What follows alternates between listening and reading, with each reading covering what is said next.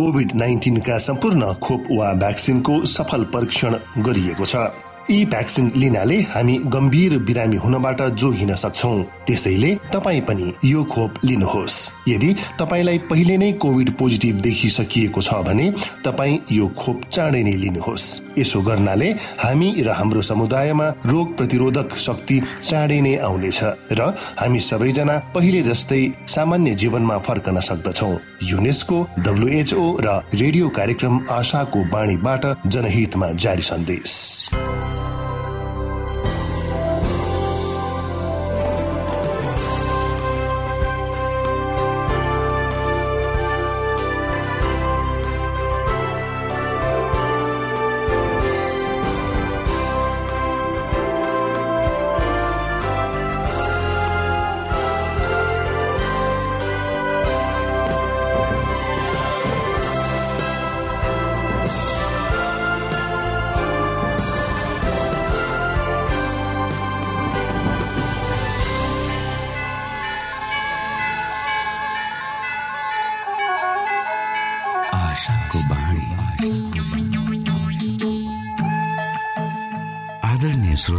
नमस्कार। यो समय तपाईँ एडभेन्टिस्ट ओल्ड रेडियोको प्रस्तुति भोइस अफ होप आशाको बाणी कार्यक्रम सुन्दै हुनुहुन्छ। कार्यक्रम प्रस्तुता म रवि यो समय तपाईँको साथमा छु। आदरणीय श्रोता लाखौं करोडौं ध्वनि तरङ्गहरूको बीचमा भरोसा योग्य आशाका आत्मिक सन्देश सहित आशाको बाणी कार्यक्रम तपाईँको सामु आइपुगेको छ। यी तरङ्गमा शक्ति छ यी तरङ्गमा जीवित परमेश्वरको अनुग्रह छ। यो कार्यक्रमलाई सुन्न रोज्नुहुने समस्त श्रोता वर्गमा हामी आभार व्यक्त गर्दछौ। आजको कार्यक्रमबाट यहाँले प्रशस्त आशिष पाउन सक्नु भएको होस्। यही शुभेच्छा व्यक्त गर्दै सधैँ हामी हाम्रो मूल विषयतिर जानु अगाडि सुनौ यो मधुर क्रिस्टीय भजन।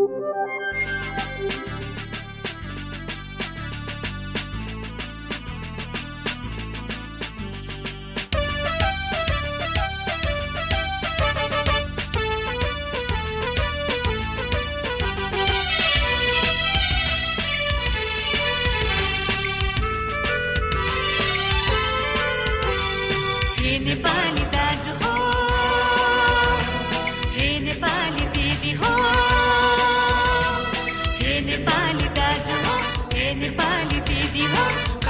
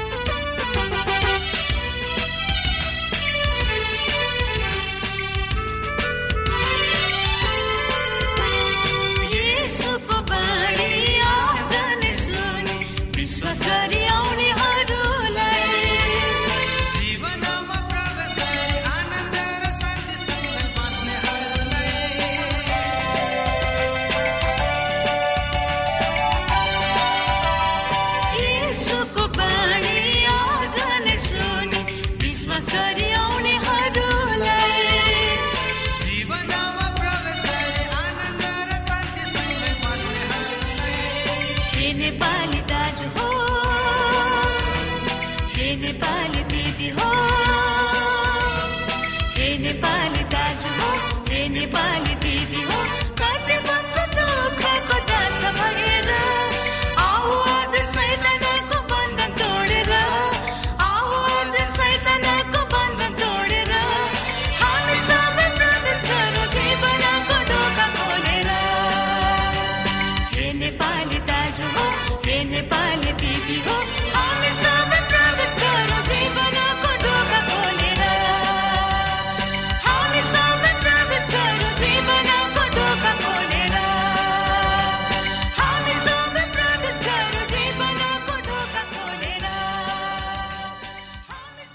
समय तपाईँ एडभेन्टिस्ट ओल्ड रेडियोको प्रस्तुति भोइस अफ होप आशाको बाणी कार्यक्रम सुन्दै हुनुहुन्छ।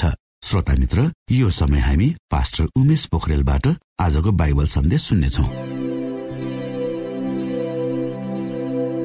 श्रोत साथी न्यानो अभिवादन साथ म तपाईँको आफ्नै आफन्त पास्टर उमेश पोखरेल परमेश्वरको वचन लिएर यो रेडियो कार्यक्रम मार्फत पुनः तपाईँहरूको बिचमा उपस्थित भएको छु।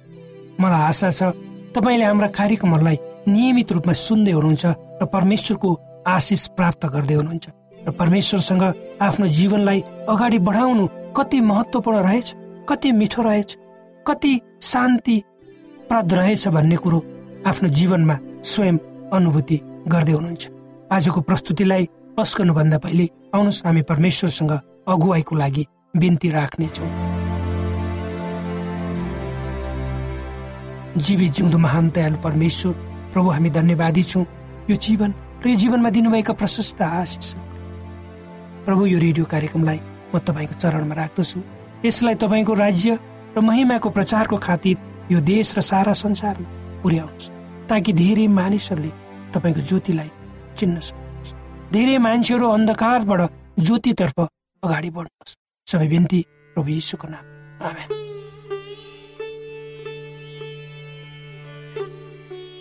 श्रोता साथी हाम्रो थकी पुस्ता एक्काइसौँ शताब्दीमा बाँचेका तपाईँ हामी सबै मानिसहरू एक्काइसौँ शताब्दीमा बाँचेका हाम यो पुस्ताका हामी सबै मानिसहरू थकित पुस्ताको रूपमा म लेख्छु।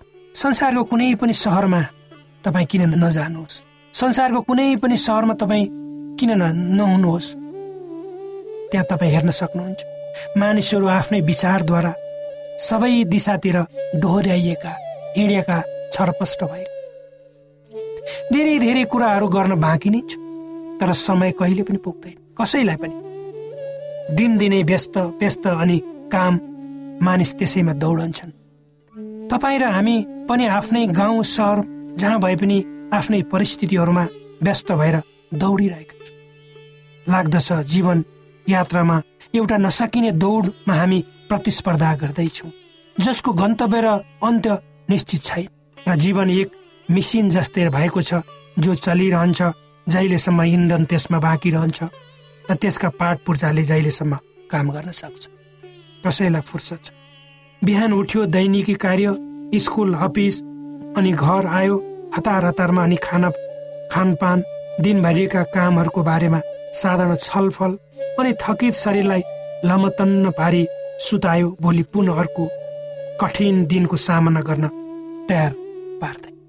त्यसको साथै हामीले हाम्रो जीवनका एउटा त्यसको साथै हामीले हाम्रो जीवन एउटा अदृश्य बोझ जुन आफू अपराधी भएको आफूले गल्ती गरेको महसुसले थकित भएका हुन्छ जसले हामीलाई शान्ति दिँदै हामी बाहिरी रूपमा शान्त देखिन्छौँ तर वास्तवमा हामीले शान्तिको अनुभूति भित्री रूपमा प्राप्त गर्न सकेका हुँदैनौँ। र हाम्रो भित्री रूपमा वा अशान्तिका भावनाहरू बढेका हुन्छ र हाम्रा भित्री मनका अशान्तिहरूले हामीलाई थित्तै जान्छन् र लाग्दछ अब उम्कने बाटो गर्दैछ। पापको कारणले हामी परमेश्वरबाट टाढा हुँदै गएका छौँ र शैतानको आवाजहरूले हाम्रा कान भरिएका छन् भने हामी त्यही आवाजद्वारा डोहोऱ्याइ डोहोऱ्याइँदैछौँ हाम्रो जीवनको उद्देश्यहरू सांसारिक दृष्टिकोणबाट हामीले तय गरेका छौँ। त्यसैले त हामी संसारतर्फ भएर एउटा प्रतिस्पर्धामा दौडँदैछौँ। सांसारिक प्रतिस्पर्धा। हाम्रा विचार र भावनाहरू सैतानको कारणले अर्धचेतन अवस्थामा छन्। हामी के कुरा सही के गलत भनी छुट्याउन नसक्ने जस्तै भएका छौँ। हामीलाई हाम्रो आफ्नै अस्वस्थ चाहनाहरूले थिच्दै गएका छन्। हाम्रो शारीरिक मानसिक भोकले हामीलाई डोहोऱ्याइरहेका छ हामी अत्याधिक खान्छौँ। जुन खानुपर्ने हो त्यो खाँदैनौँ। तर जे खानुपर्ने खानु हाम्रो निम्ति अहितकार छ। त्यो हामी खान हामी लालयित हुन्छौँ। हाम्रो आफ्नै भोगको कारणले हामी आज सीमित र क्षीण हुँदै गएका छौँ वा कमजोर हुँदै गएका छौँ। के तपाईँले कहिले महसुस गर्नुभएको छ? त्यसै गरी हाम्रा सांसारिक अभिलाषाहरूले हाम्रो विचारलाई प्रदूषित गरेका छन्। हामी नराम्रो र खराबतर्फ पेसी झुकेका छौँ वा झुक्न मन पराउँछौँ। त्यसैले हामी धेरैचोटि ठक्कर खाएर असफल भएर लडेका छौँ वा लडिरहेका छौँ। किनकि सबै कुराहरूको पछाडि हाम्रो आफ्नै चाहना र इच्छा हो। हाम्रो आफ्नै जिउने चाहना र इच्छा हो। तर यो यसरी नै हुनुपर्छ भन्ने छैन। परमेश्वरले तपाईँ र मलाई तपाईँ हामीलाई शान्ति र आरामको भरोसा दिनुभएको छ। तर त्यसको निम्ति हामीले परमेश्वरले निर्धारण गर्नुभएको परिधिभित्र रहनुपर्छ। अथवा आफ्नो जीवनलाई परमेश्वरको अनुशासनमा चलाउनुपर्छ तब मात्र हामीले हाम्रो हाम्रो जीवनमा जस्तो सुकै क्षण भएर हामी गुज्रेका किन परमेश्वरको शान्ति र आरामको अनुभूति गर्न सक्दछौँ। यो कुरो हामी सबैले आफ्नो पापमा पश्चाताप गरी परमेश्वरको मिलापमा आएपछि प्राप्त हुन्छ वा सम्भव छ। तपाईँ एउटा गरिब हराएको पापले नाश भएको बोझले बोझै बोझले लादिएको पापद्वारा परिचालित भएको र त्यसको नतिजाबाट डराएको र आफ्नो अनाज्ञाकारिताको कारण थकित भएको। मानिसलाई परमेश्वरले छुटकारा दिन सक्नुहुन्छ तर उसले यी सबै कुराहरूका बावजुद परमेश्वरमा आउने निर्णय गर्नुपर्छ र उहाँ उसलाई परमेश्वरले आराम र शान्ति दिनुहुन्छ। जुन आराम र शान्ति संसारले दिन सक्दैन त्यो शान्ति परमेश्वरले मात्रै दिनुहुन्छ श्रोत। संसारले दिने शान्ति त क्षणिक र केही समयको मात्र हुन्छ। तर परमेश्वरले दिने शान्ति सदाको निम्ति अनन्तको हुन्छ प्रभु यीशुले संसारका सबै मानिसहरूलाई बोलाउनु भएको छ। र उहाँमा विश्वास गर्न र उहाँमा आउन् भनेर उहाँको उपस्थितिमा मात्र पापबाट आराम र मुक्ति पाउन सकिन्छ। त्यसपछि मात्र सबै सांसारिक तडपनहरू वा बन्धनहरूको अनन्तको मृत्युबाट बच्न सकिन्छ। स्वत साथी परमेश्वरबाट प्राप्त हुने आराम वा शान्ति जीवनका कुनै पनि परिस्थितिहरूबाट अवरोध हुने छैन। त्यसमा हामीले शङ्का गर्नु पर्दैन। परमेश्वरका वचनहरू स्पष्ट छ वचनहरू स्पष्ट छन् र जो मानिस पापपूर्ण जीवन जिइरहेको छ उसले परमेश्वरमा आउनुपर्छ तब मात्र उसले परमेश्वरको शान्ति र आराम प्राप्त गर्नेछ भनी प्रतिज्ञा गरिएको छ।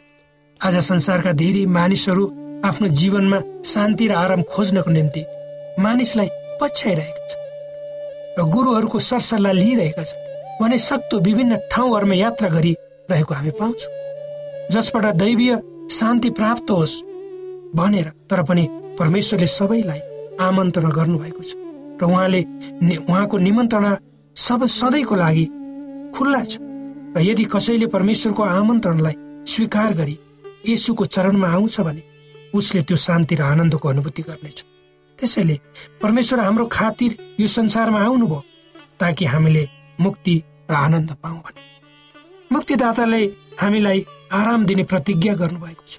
त्यसकारण आफ्ना बोझहरूलाई परमेश्वरको चरणमा अझै राखौँ र शान्ति र आरामलाई आफ्नो जीवनमा आजदेखि सुरु गरौँ।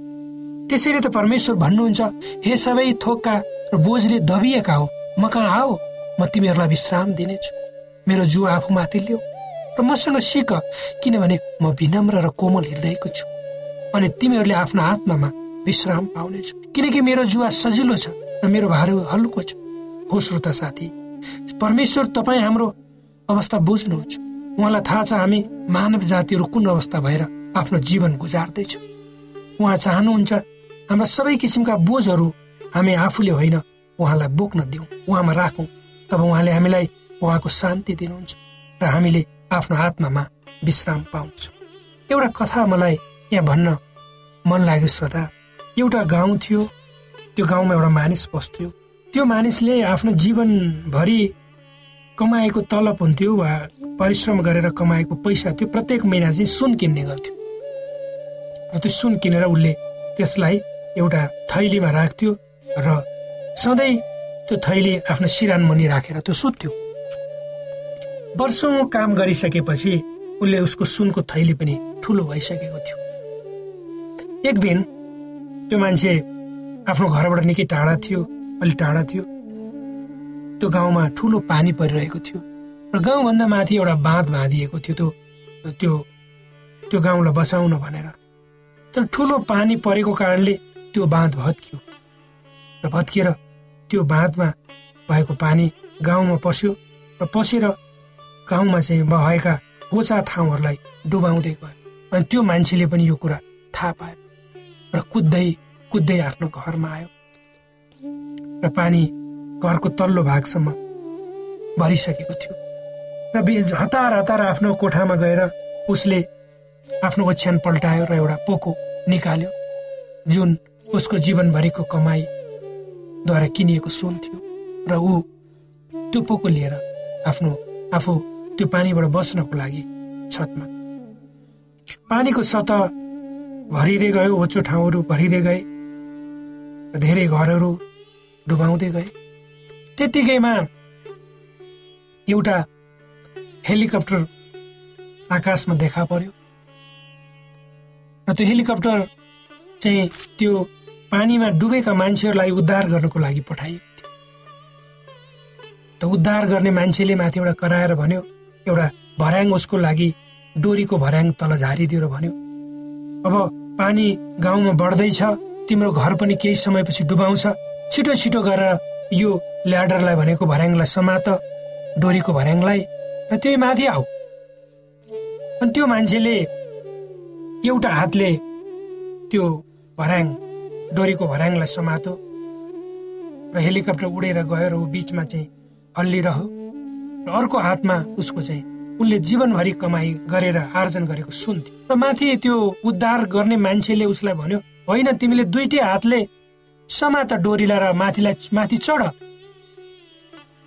तर धेरैचोटि भन्दा पनि उसले त्यो गरेन र एउटै हातले मात्र माथि माथि हेलिकप्टरमा चढ्ने वा त्यो डोरीमा चढेर माथि जाने प्रयास गरौँ तर ऊ सफल भए र अन्तमा त्यो माथि उद्धार गर्ने मान्छेले भनौँ यदि तिमीले दुइटै हातले तिमीसँग भएको जो पोको छ अर्को हातमा त्यसलाई फालेर दुइटै हातले त्यो डोरीलाई समातेर माथि चढेनौ भने तिमी त्यहाँबाट खस्छौ र तिमी मर्छौ हामी बचाउन सक्दैनौ। तब अन्तमा उसले महसुस गर्यो एउटा हातले मात्रै ऊ माथि चढ्न सक्दैन उसको सामर्थ्यले त्यो ऊ गर्न सक्दैन। यद्यपि उसले प्रयास गर र उसले के गर्यो भन्दा आफ्नो हातमा भएको त सुन्थ्यो उसले नचाहेर पनि छोडिदियो।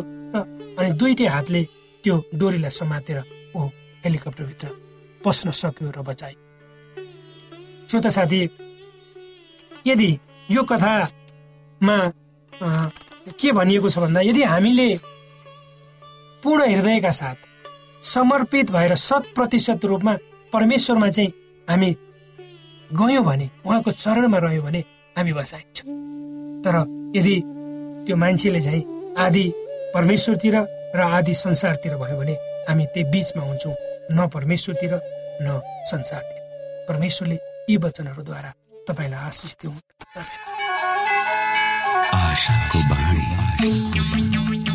श्रोता भर्खरै यहाँले पास्टर उमेश पोखरेलबाट बाइबल वचन सुन्नुभयो।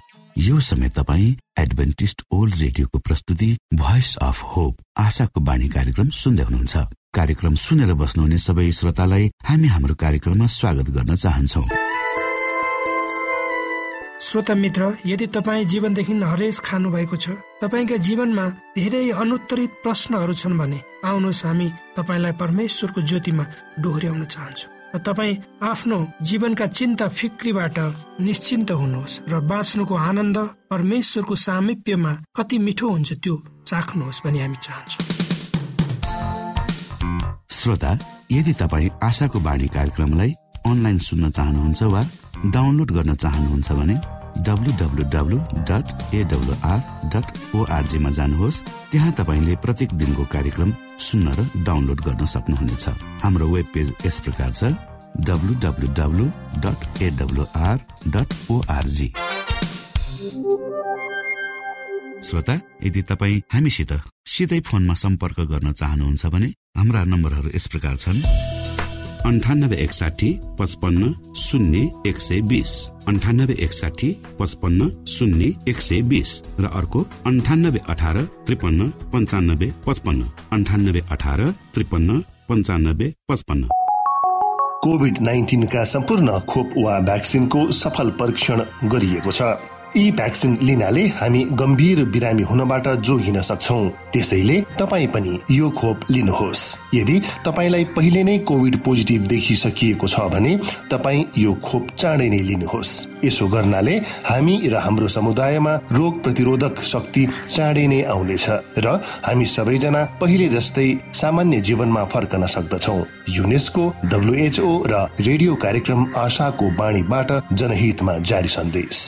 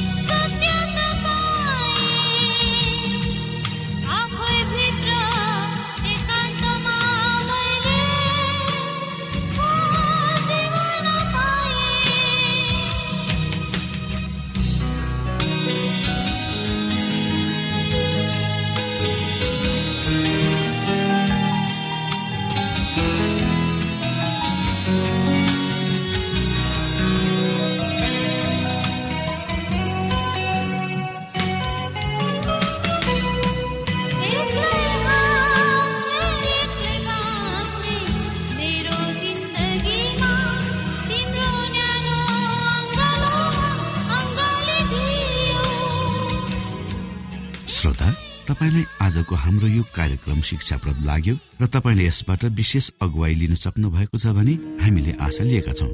हामीसँग पत्राचार गर्ने हाम्रो ठेगाना यस प्रकार छ। आशाको बाणी पोस्ट बक्स नम्बर दुई शून्य शून्य शून्य दुई काठमाडौँ नेपाल। श्रोता यदि तपाईँ हाम्रो स्टुडियोको नम्बरमा सम्पर्क गर्न चाहनुहुन्छ भने हाम्रा नम्बरहरू यस प्रकार छन्। अन्ठानब्बे एकसाठी पचपन्न शून्य एक सय बिस। अन्ठानब्बे एकसाठी पचपन्न शून्य एक सय बिस र अर्को अन्ठानब्बे अठार त्रिपन्न पन्चानब्बे पचपन्न।